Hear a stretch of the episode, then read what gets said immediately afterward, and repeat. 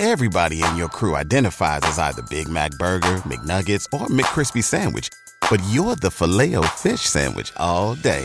That crispy fish, that savory tartar sauce, that melty cheese, that pillowy bun. Yeah, you get it. Every time. And if you love the Filet-O-Fish, right now you can catch two of the classics you love for just $6. Limited time only. Price and participation may vary. Cannot be combined with any other offer. Single item at regular price. Ba da ba ba ba.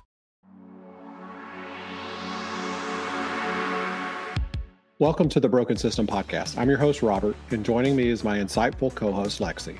Together, we're here to uncover the flaws and challenges within our justice system where fairness and equality often fall short.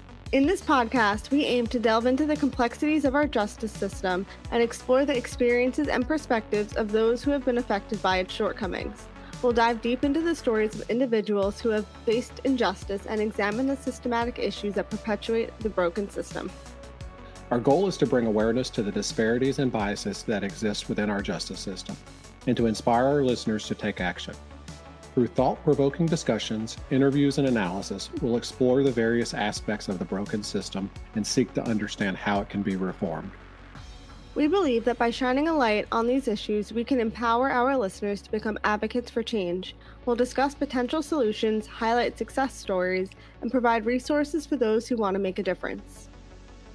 So, whether you're a concerned citizen, a legal professional, or simply someone who wants to learn more about the flaws in our justice system, we invite you to join us on this journey. Together, let's challenge the broken system, amplify unheard voices, and work towards a more just and equitable future. Get ready to explore the depths of our justice system like never before. This is the Broken System Podcast. Welcome, everyone. Thank you guys for being here with us.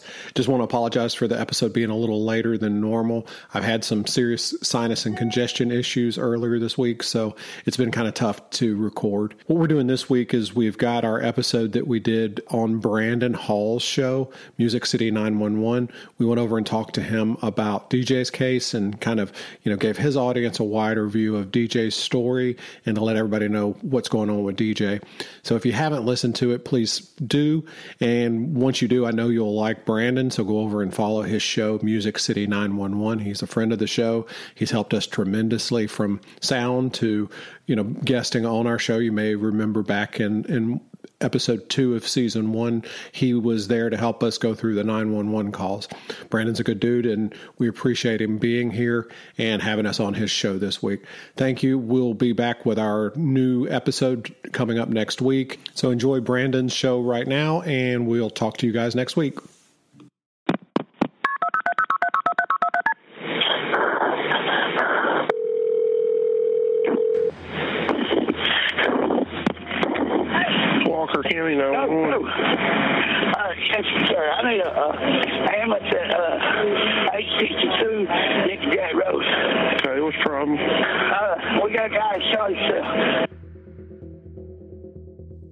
More than seven years since 911 was dialed, and it was reported that 27 year old Donald DJ Fickey Jr. had committed suicide. But after multiple 911 calls and witness statements of those that were there, whispers of foul play soon swirled, shrouding DJ's final moments in a chilling web of confusion and lies. What was it that exactly happened? Did DJ kill himself? A sister who wanted justice for her brother worked tirelessly trying to find out what really happened. But with police and other investigators, days in the investigation turned into weeks, then months, then years. Was there any hope in finding out what really happened? And will justice be given to DJ and his family? We'll try to find that out and more in this episode of Music City 911.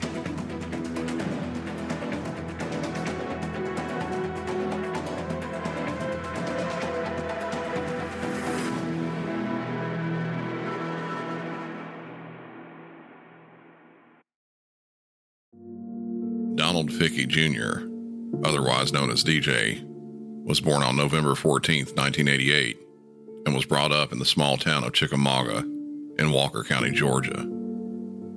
He was a middle child and the only boy in a family of four kids two older sisters and one younger. His parents, Donald Sr. and Kathy, were a firm part of the kids' lives, but DJ was always closer with his dad, being he was the only other male in the house. He was a kind person from from early age. He was very respectful. He he treated everybody well. My friend and fellow podcaster, Robert Palmer. My name is Robert Palmer. I'm uh, the host of the Broken System podcast. I had been listening to podcasts for, you know, a good portion of my life and I've always been interested in true crime, especially in the Atlanta area with growing up with the Wayne Williams stuff and learning about all that with the Atlanta child murders. DJ was living a pretty normal life early on, but at the age of 14, his life changed. He lost his dad at an early age, which that caused, you know, he was a dad's boy, and that caused a lot of issues in his life because he did lose him so early, and, and that affected him, and that kind of pushed him into that coping mechanism of drugs, and it just kind of spiraled from there. DJ started using drugs recreationally at first, it was like a lot of other high school kids. They want to take their normal partying to a different level. Then, as time went on, more drugs were experimented with. That drug mindset was still more of a fun thing for him. That continued after high school when he was reacquainted with someone he went to school with, Brandy Heath. They had actually went to school together they were a couple years apart and really didn't get along in school. But outside, once they graduated and were outside of school, they were running in the same crowds. And it, you know, it unfortunately was that that drug crowd that they met in, and you know, just kind of hit it off. And and she got pregnant, and once you know that happened, they got married and went down that road of of marriage with a kid on the way.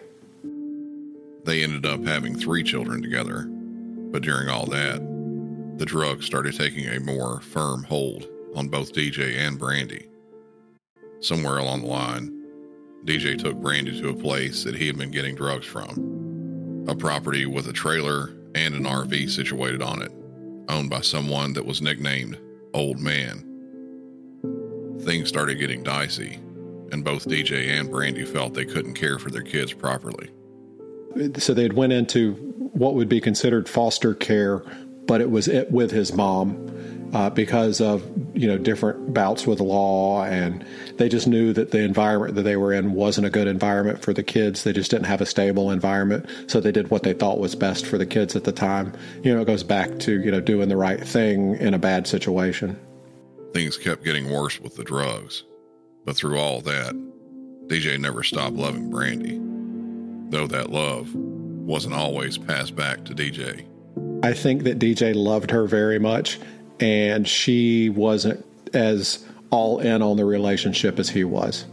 And he did everything he could to get out of the drug world, move away from it, do things like that, but she wasn't willing to give it up. So he would give up the things that he was trying to work for to go to be with her. And he felt like he was a protector for her you know, to keep her out of really bad situations. And, and he wanted to just be there for her. There was a lot of turmoil around their relationship from from the beginning. I don't think that it was ever that that fairy tale relationship. I think you know it was a lot of a lot of that issues with drugs and, and things like that in their life. After a while, DJ and Brandy started staying at the old man's place, moving between there and the RV that was also on the property in that RV was the man that was dealing most of the drugs, Marshall Payne. During the time that they were there, Brandy developed a sexual relationship with Marshall, and that, along with all the various drug use, it caused a ton of friction between DJ and Marshall, as well as Brandy, with both of them. That happened around 2015. They were buying drugs from that. That residence there was probably no less than 20 to 24 there were arrests that happened at that residence from drug related type incidents. So they went to that house to buy drugs, kind of got into that area. They didn't have anywhere to go, so they offered for them to stay there. And then that relationship with Marshall kind of built from that. in the beginning, it started out as a drug related friendship, I would say. It was kind of, hey, we're here, we'll be friends because we have this in common type thing. As DJ tried to get clean and things like that, he would leave. And then at that point in time, I think, you know, Marshall took advantage of Brandy with with the drug side of things and they ended up forming some type of relationship that way but DJ was always in the picture and he would always come back in the picture and that caused a lot of contention you hear during the time you hear Marshall say that him and DJ were friends. I don't think they ever really were. I think it was a convenience type thing for both of them. And he really wanted DJ out of the picture, whether it was, I think his intention at the whole time was to scare DJ out of the picture, if that makes sense. The tension was continuous with everyone there at the old man's property, often flaring up to the point of violence him and Marshall had gotten into a, ver- a, verbal confrontation and then a physical confrontation out in the yard. They actually had golf clubs and were fighting with each other with golf clubs, and DJ knocked one of Marshall's teeth out with a golf club. So it wasn't no just little spat of I think Marshall put it as, oh, you know, we, we had words, we went out, we, we did what guys do, and then we put everything to the side and we were best friends again after that.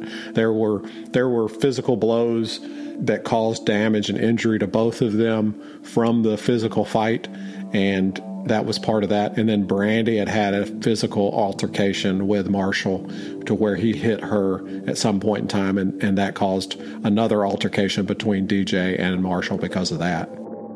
Emotions for everyone were all over the place there at the old man's property, but especially for DJ drug use, along with an affair had by his wife Brandy with his drug dealer Marshall, and then the physical violence that happened, it was taking its toll on DJ. Then on October 3rd, 2016, at around 1:12 p.m., a call was placed from the old man's trailer to 911.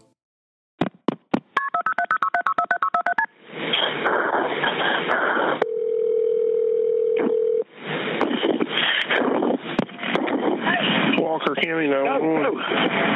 Uh, yes, I need a uh, ambulance at uh, 862 Nick Jack Road.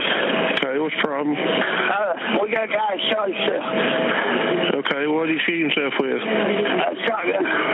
Okay, is he breathing? Uh, it looks like it. I don't know. I just think How old is he? it. I tried to get the gun. I tried to get the gun, and it went off, and he had it in his mouth. And I was like, man, you know, What, is it 12 gauge? uh, yeah.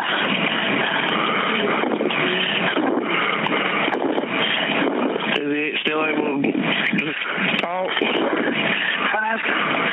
Is he still able to talk? No, I mean, he stuck in his mouth. All right, is he still breathing? Yeah, it looks like it.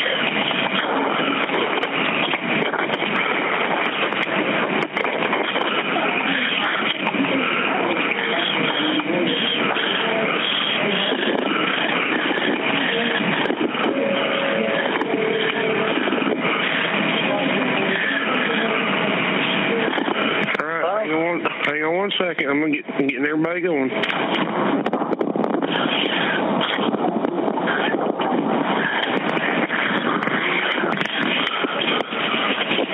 How old is he? How old is he?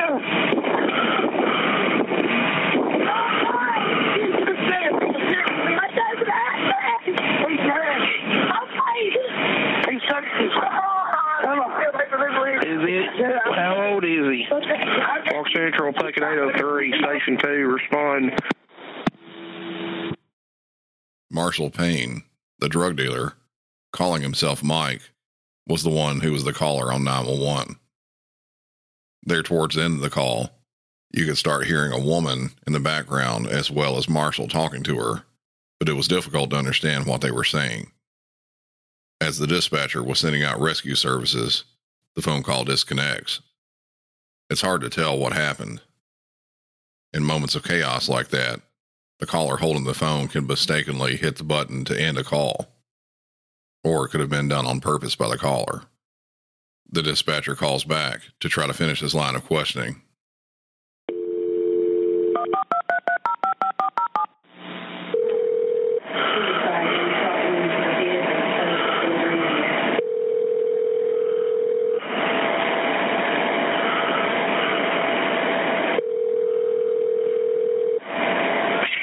Oh, How old is he? hello. How old is he? How old is he? I think he's 27. 27? Yeah. Okay, is he still breathing? Where's the damage done to his head? It's right in his mouth. It's right, right in his mouth. It's inside his mouth? Here with me. He's watching. Okay. Is there, is there an exit wound? Listen. Listen. Is there an exit wound? Listen, calm down. Hey, sir. Is there an exit wound? Yeah. No, what's in his mouth? Hey, what's his mouth? Is he is he breathing? Is he breathing? He was. He was. He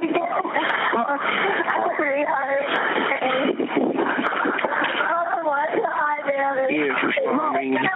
27 year old male uh, he had the gun in his mouth. There was a discharge. There is an exit wound.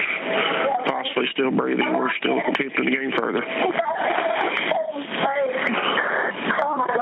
Is he breathing?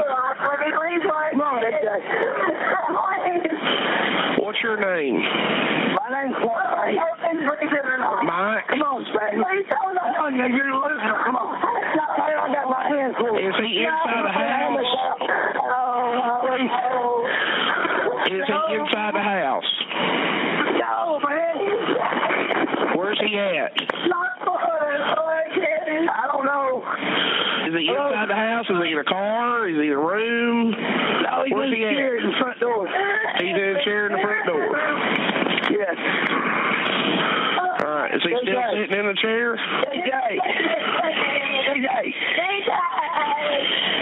He's what? DJ.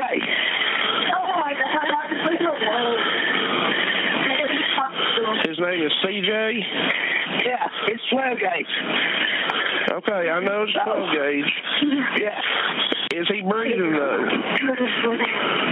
he moving at all? Yeah, he's complaining. Oh my God. I tried to grab the gun from him, and she thinks I, I am. Will you please just send a ambulance? I've the ambulance, sheriff's department, and the fire department coming. Okay. I need to. I need to know if At the end of that call, Marshall seems to get more agitated when he said, Just please send an ambulance. Once he heard that they were started, the call again disconnects. Another employee there at the 911 center calls him back, trying to find out more info while authorities were on the way to the scene. Lyndon still trying to confirm if he's breathing or not. They're trying to get it back in.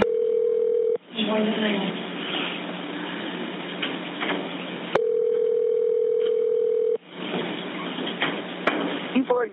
Please, hello. Mike, Oh my uh, God. Oh, Mike, Mike, can you hear me? Yes, ma'am. This this is Walker County uh, 911, okay? 911. Yeah. Okay, Mike, listen to me, okay? I will as soon as I get off here. Smart. Okay, Mike. Mike, I need to talk to you. Can you give me your attention? Yes, ma'am. Okay, the gun, where is it located now? It's in the chair with him. I, Okay. I, I got the gun up and checked to see what it was. It was a 12 gauge. Okay, so you moved the gun, is that correct? Yes. Okay. Can you secure that gun? Can you uh, get it unloaded safely and, and lay it to the side out of the way? Yes, ma'am. Okay. Can you do that while I'm talking to you? Yes, ma'am. Okay. I'll give you just a minute, okay? I say. Told me to get the, the gun and secure it. No, don't don't shoot it. Secure it. No, don't shoot it. Unload uh, it. Listen, Mike, Mike. Do are you going to be the one doing It ain't got, it ain't but a single shot. It looks like a shot off. Okay, so there's nothing in the gun at this point, correct? No. The gun is empty, correct? No. Where's the gun, Brandon? My, Here they are. my,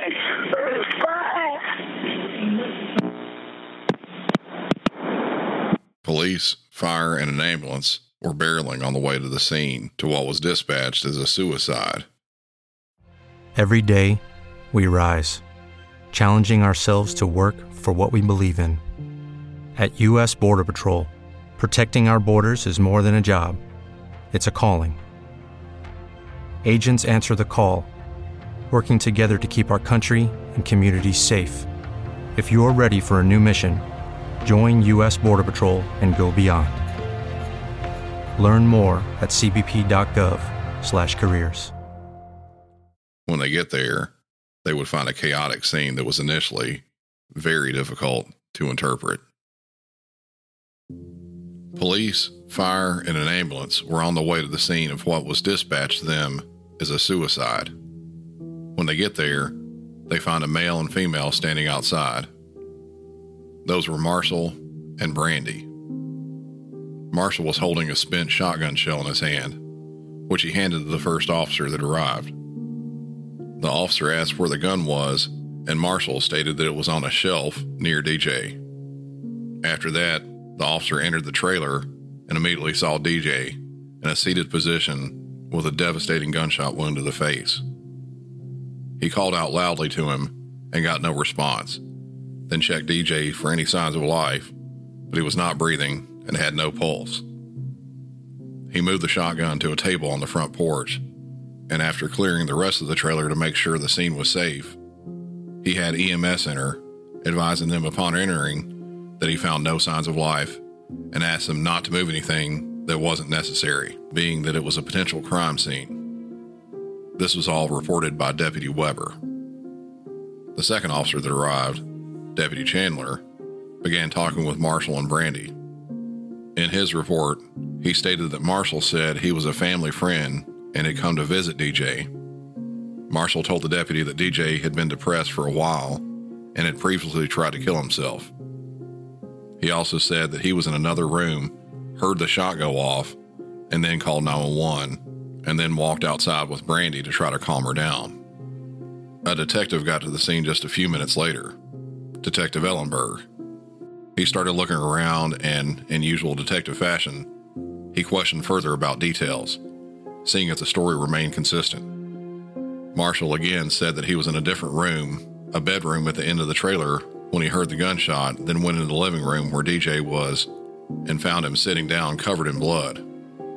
Detective Ellenberg also asked if Marshall would consent to a gunshot residue test. He said he would, but asked if shooting guns the previous day would mar the results.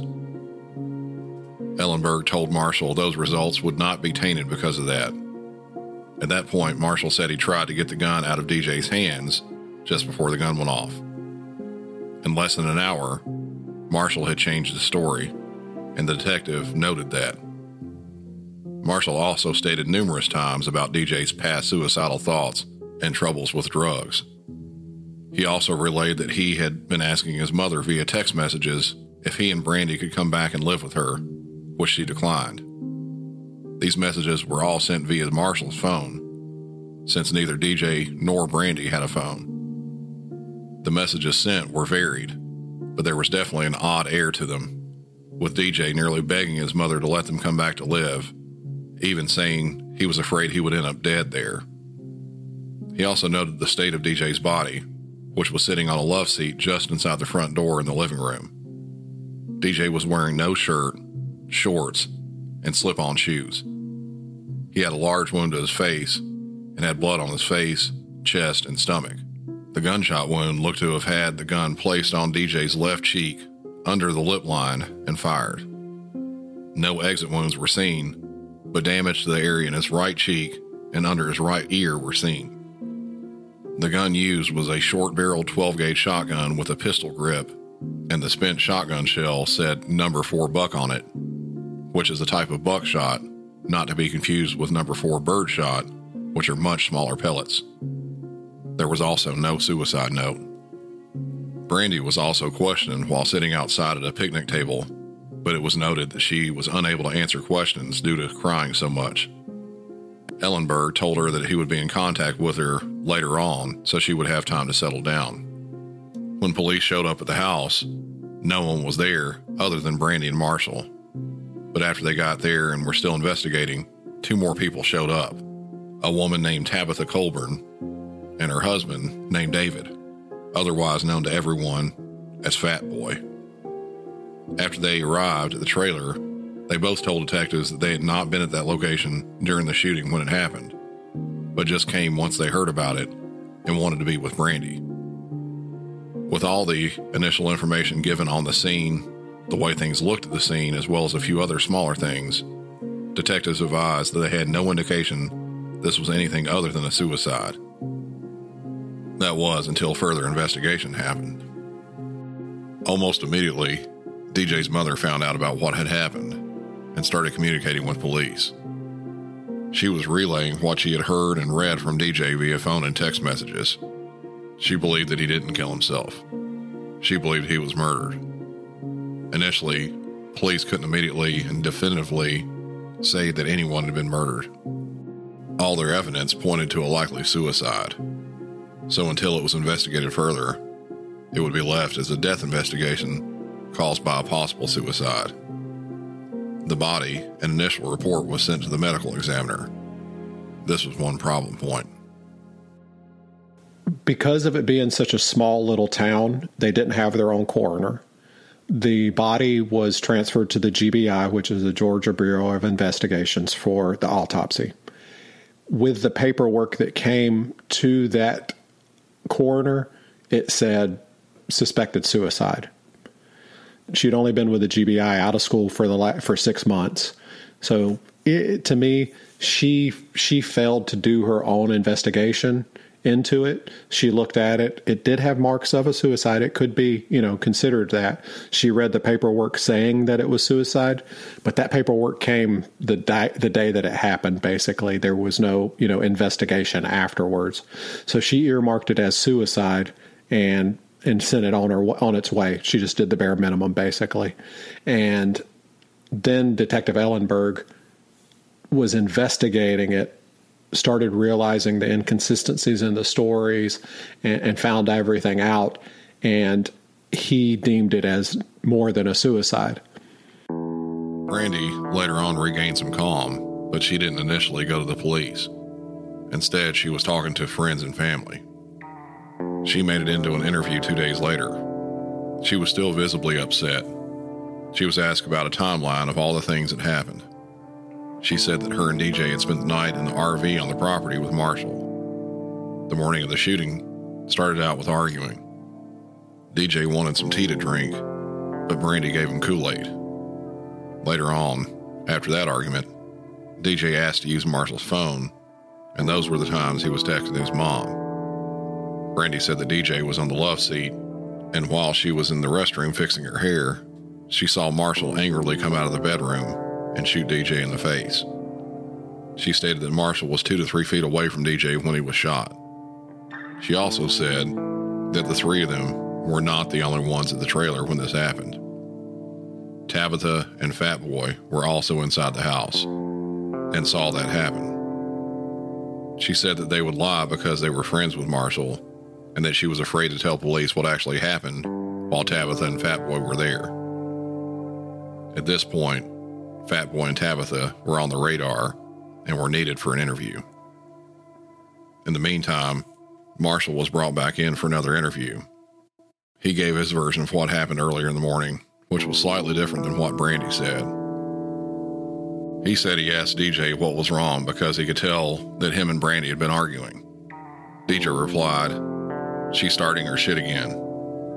He said later on that he heard Brandy yelling from the living room and then heard a gunshot but then stopped and changed the story later on and said that he came out of the room and heard Brandy yell, saying that DJ had a gun in his mouth. He said, despite his pleas to DJ to not shoot himself, the gun went off. So his story has changed again. He was also asked if Fat Boy was at the house, and Marshall replied negatively, saying that he had gone to the junkyard when the shooting happened. He also later changed that to they could have been there, but he doesn't remember. He also stated that he couldn't remember if he grabbed the gun before it went off or not. Fat Boy needed to be found and interviewed. It took a couple days, but he was rounded up and brought in for questioning. He did confirm that he and Tabitha were there in the house at the time of the shooting. He was not initially in the living room, but somewhere else smoking a cigarette. That's when he heard yelling in the living room, which he thought was Marshall saying, I told y'all to shut the fuck up, and then DJ saying, I wish a motherfucker would. When he walked into the living room, he saw DJ sitting on the love seat with a gun in his left hand and Marshall on DJ's left side holding the shotgun with his right hand. He also said that Brandy was pulling on Marshall's arm from behind and the gun went off. He said that him and his wife left the scene because they didn't want to be involved. Marshall was brought back in for further questioning, and again his story changed around a bit. He said that he saw DJ pull the gun out from the cushions of the couch, and then he wrestled for the gun. He also said this time that Brandy was pulling on his arm, and that's when the gun went off. Marshall also volunteered that he had a witness that had seen it all go down. Detectives later confirmed that Marshall and Fat Boy had talked in the previous days, and it seemed like they had put together a story with each other since both of their stories were very similar now. Marshall later agreed to a polygraph test, and two key questions stood out during the test. Did you point that gun at DJ? And did you shoot DJ? Both answers showed deception. When interviewed after the test and confronted about the deception, Marshall said that he had not intentionally shot DJ. He tried saying that there was another time where he pointed a pellet rifle at him. As many times as Marshall stated or inferred that this was suicide, it's now shifting to he accidentally shot him. Interviews continued well after that with everyone there, and some stories continued to change. But it was pretty evident that this wasn't a simple suicide. Luckily, the detective that was in charge of the case started seeing the inconsistencies in Marshall's story. Even after it was ruled a suicide, he continued to push that there was more people there, obviously with Brandy's testimony saying, or, or, Brandy's witness statement saying there were more people there and who they were. He started talking to those people. And originally, when he talked to them, they were pushing the narrative of suicide and how things were, or they, they weren't there. But as things played out and got further and further into the investigation, it started to show that there were more people there, that they were actually there, and they actually saw what had happened. And it, it was more than just a suicide. The way all the evidence kept moving around, police now believe that Marshall killed DJ. But making an arrest wasn't as simple as they wanted. From the very start of this whole thing, nothing seemed like it was going the right way. It went downhill to me from the end of the 911 call because Marshall portrayed it as only him, Brandy, and DJ being at the at the house or at the trailer when all of this happened. When in actuality there were I think seven or eight people that were there when when the shooting happened. So he he pretty much lied from from the beginning. He he had a story put together on his call from 911. The moment he he portrayed it as suicide, he made sure to say the word suicide and made sure to say that you know he had heard DJ say before that he had, he was going to commit suicide and just kind of put that he was putting the narrative he was building a narrative of his story from the beginning of the call and when the police arrived that once again the police had been there a ton because of drug related issues, they heard the word suicide. They kind of just kind of pushed it to the side at that point in time. Police were trying to get an arrest made, and that was definitely an uphill battle for them. The medical examiner refused to change her ruling. Because of that and absolute hard evidence, the local district attorney declined to prosecute. It wasn't until DJ's sister, Amanda, got involved that things started changing around. She continued with interviews with detectives going on to TV shows, news stations, and other podcasts, doing anything she could to get someone to look further into DJ's case. You know, Amanda was the driving force behind DJ's case. She never gave up and she wouldn't let anyone not recognize DJ's situation. She would not let anyone recognize that DJ would have ever committed suicide. She made it her her life responsibility to get justice for DJ, and that's what she did. She just pushed very hard. She put all of her life on the back burner to make sure DJ got the justice he deserved. And DJ's case wouldn't be anywhere near where it's at today had Amanda not pushed so hard and kept his story in front of the news and outlets of media and all the podcasts that she got on and and she just did you know I, I told her that I would be excited. You know it would be amazing to me to have somebody push as hard as she did for her brother. And I, there's not very many people that would push and fight so hard for as long. And i think that's the biggest thing is, is everybody pushes hard in that first initial few months but they get tired and they get burnt out. And, and she just pushed really hard for almost seven years to get justice for him. Earlier this year, nearly seven years after the shooting happened, there was finally some movement. In April or May, I believe, sent all the evidence to the grand jury and they indicted off of that. So it it was it was even so more so than just the police report and the police doing it or a judge ordering it to be indicted. It went to a grand jury. They looked at all the evidence and decided it, it needed to be prosecuted. So he was arrested in June on two counts of felony murder. In, in the state of Georgia, there's a malice murder and felony murder. So they typically always charge on both together. Felony murder is just you commit murder, the other one is, is done with intention. I had asked Robert why he would take on covering DJ's case and doing it with such great detail. When I heard his story and I, and I talked to Amanda, it was truly because of the person that he was outside of drugs. It wasn't it, it wasn't that because of the drug situation. It was because of what he was trying to do. And it honestly come back down to, you know, he was in that situation because he he truly loved his wife very much. And he put himself in a bad situation to keep her out of a worse situation. And to me, everybody deserves the same amount of exposure, not to do with anything. You know, someone that's that's on drugs doesn't deserve it as much as somebody that's not on drugs. To me, a victim is a victim, and, and everybody should be treated the same.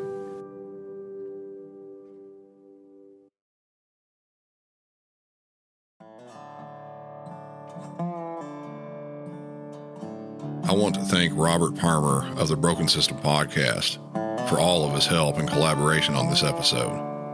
I really wouldn't have been able to do this one without him. If you want to hear more about the story of DJ Fickey in a much longer form with a lot more details, check out the Broken System podcast.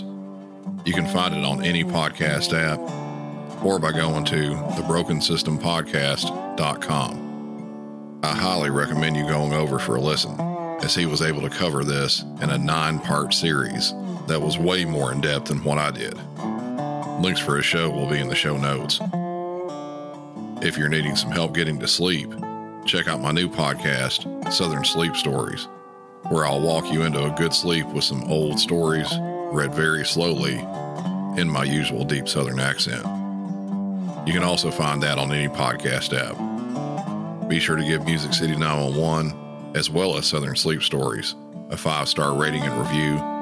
And if you want to get more Music City 911, head over to patreon.com for ad free episodes and bonus content. Stop by the Facebook discussion group and join in on the chat. And until next time, for Music City 911, I'm Brandon, and y'all have a good one.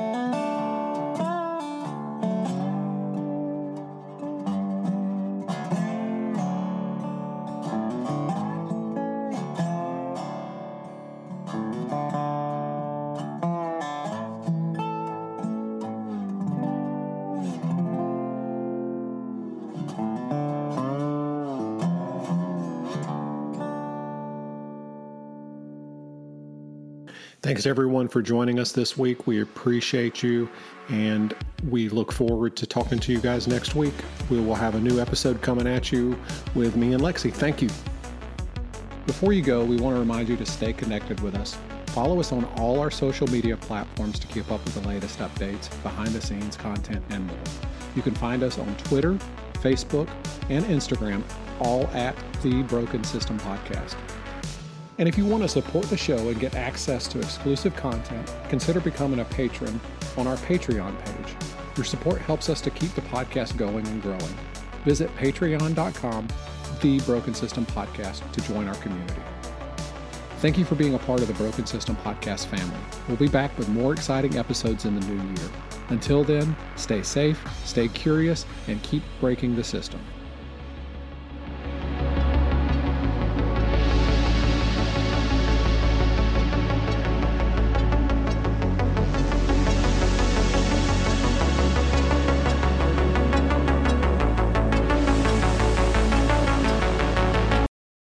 Get ahead of postage rate increases this year with Stamps.com. It's like your own personal post office. Sign up with promo code PROGRAM for a four week trial plus free postage and a free digital scale. No long term commitments or contracts. That's Stamps.com code PROGRAM. What's spring like in Park City, Utah? Imagine waking up on a bluebird day to ski the greatest snow on earth at two world class resorts Park City Mountain and Deer Valley exploring miles of wide open spaces by snowshoe or cross country skis. Wandering our historic Main Street with its après ski scene and award winning restaurants.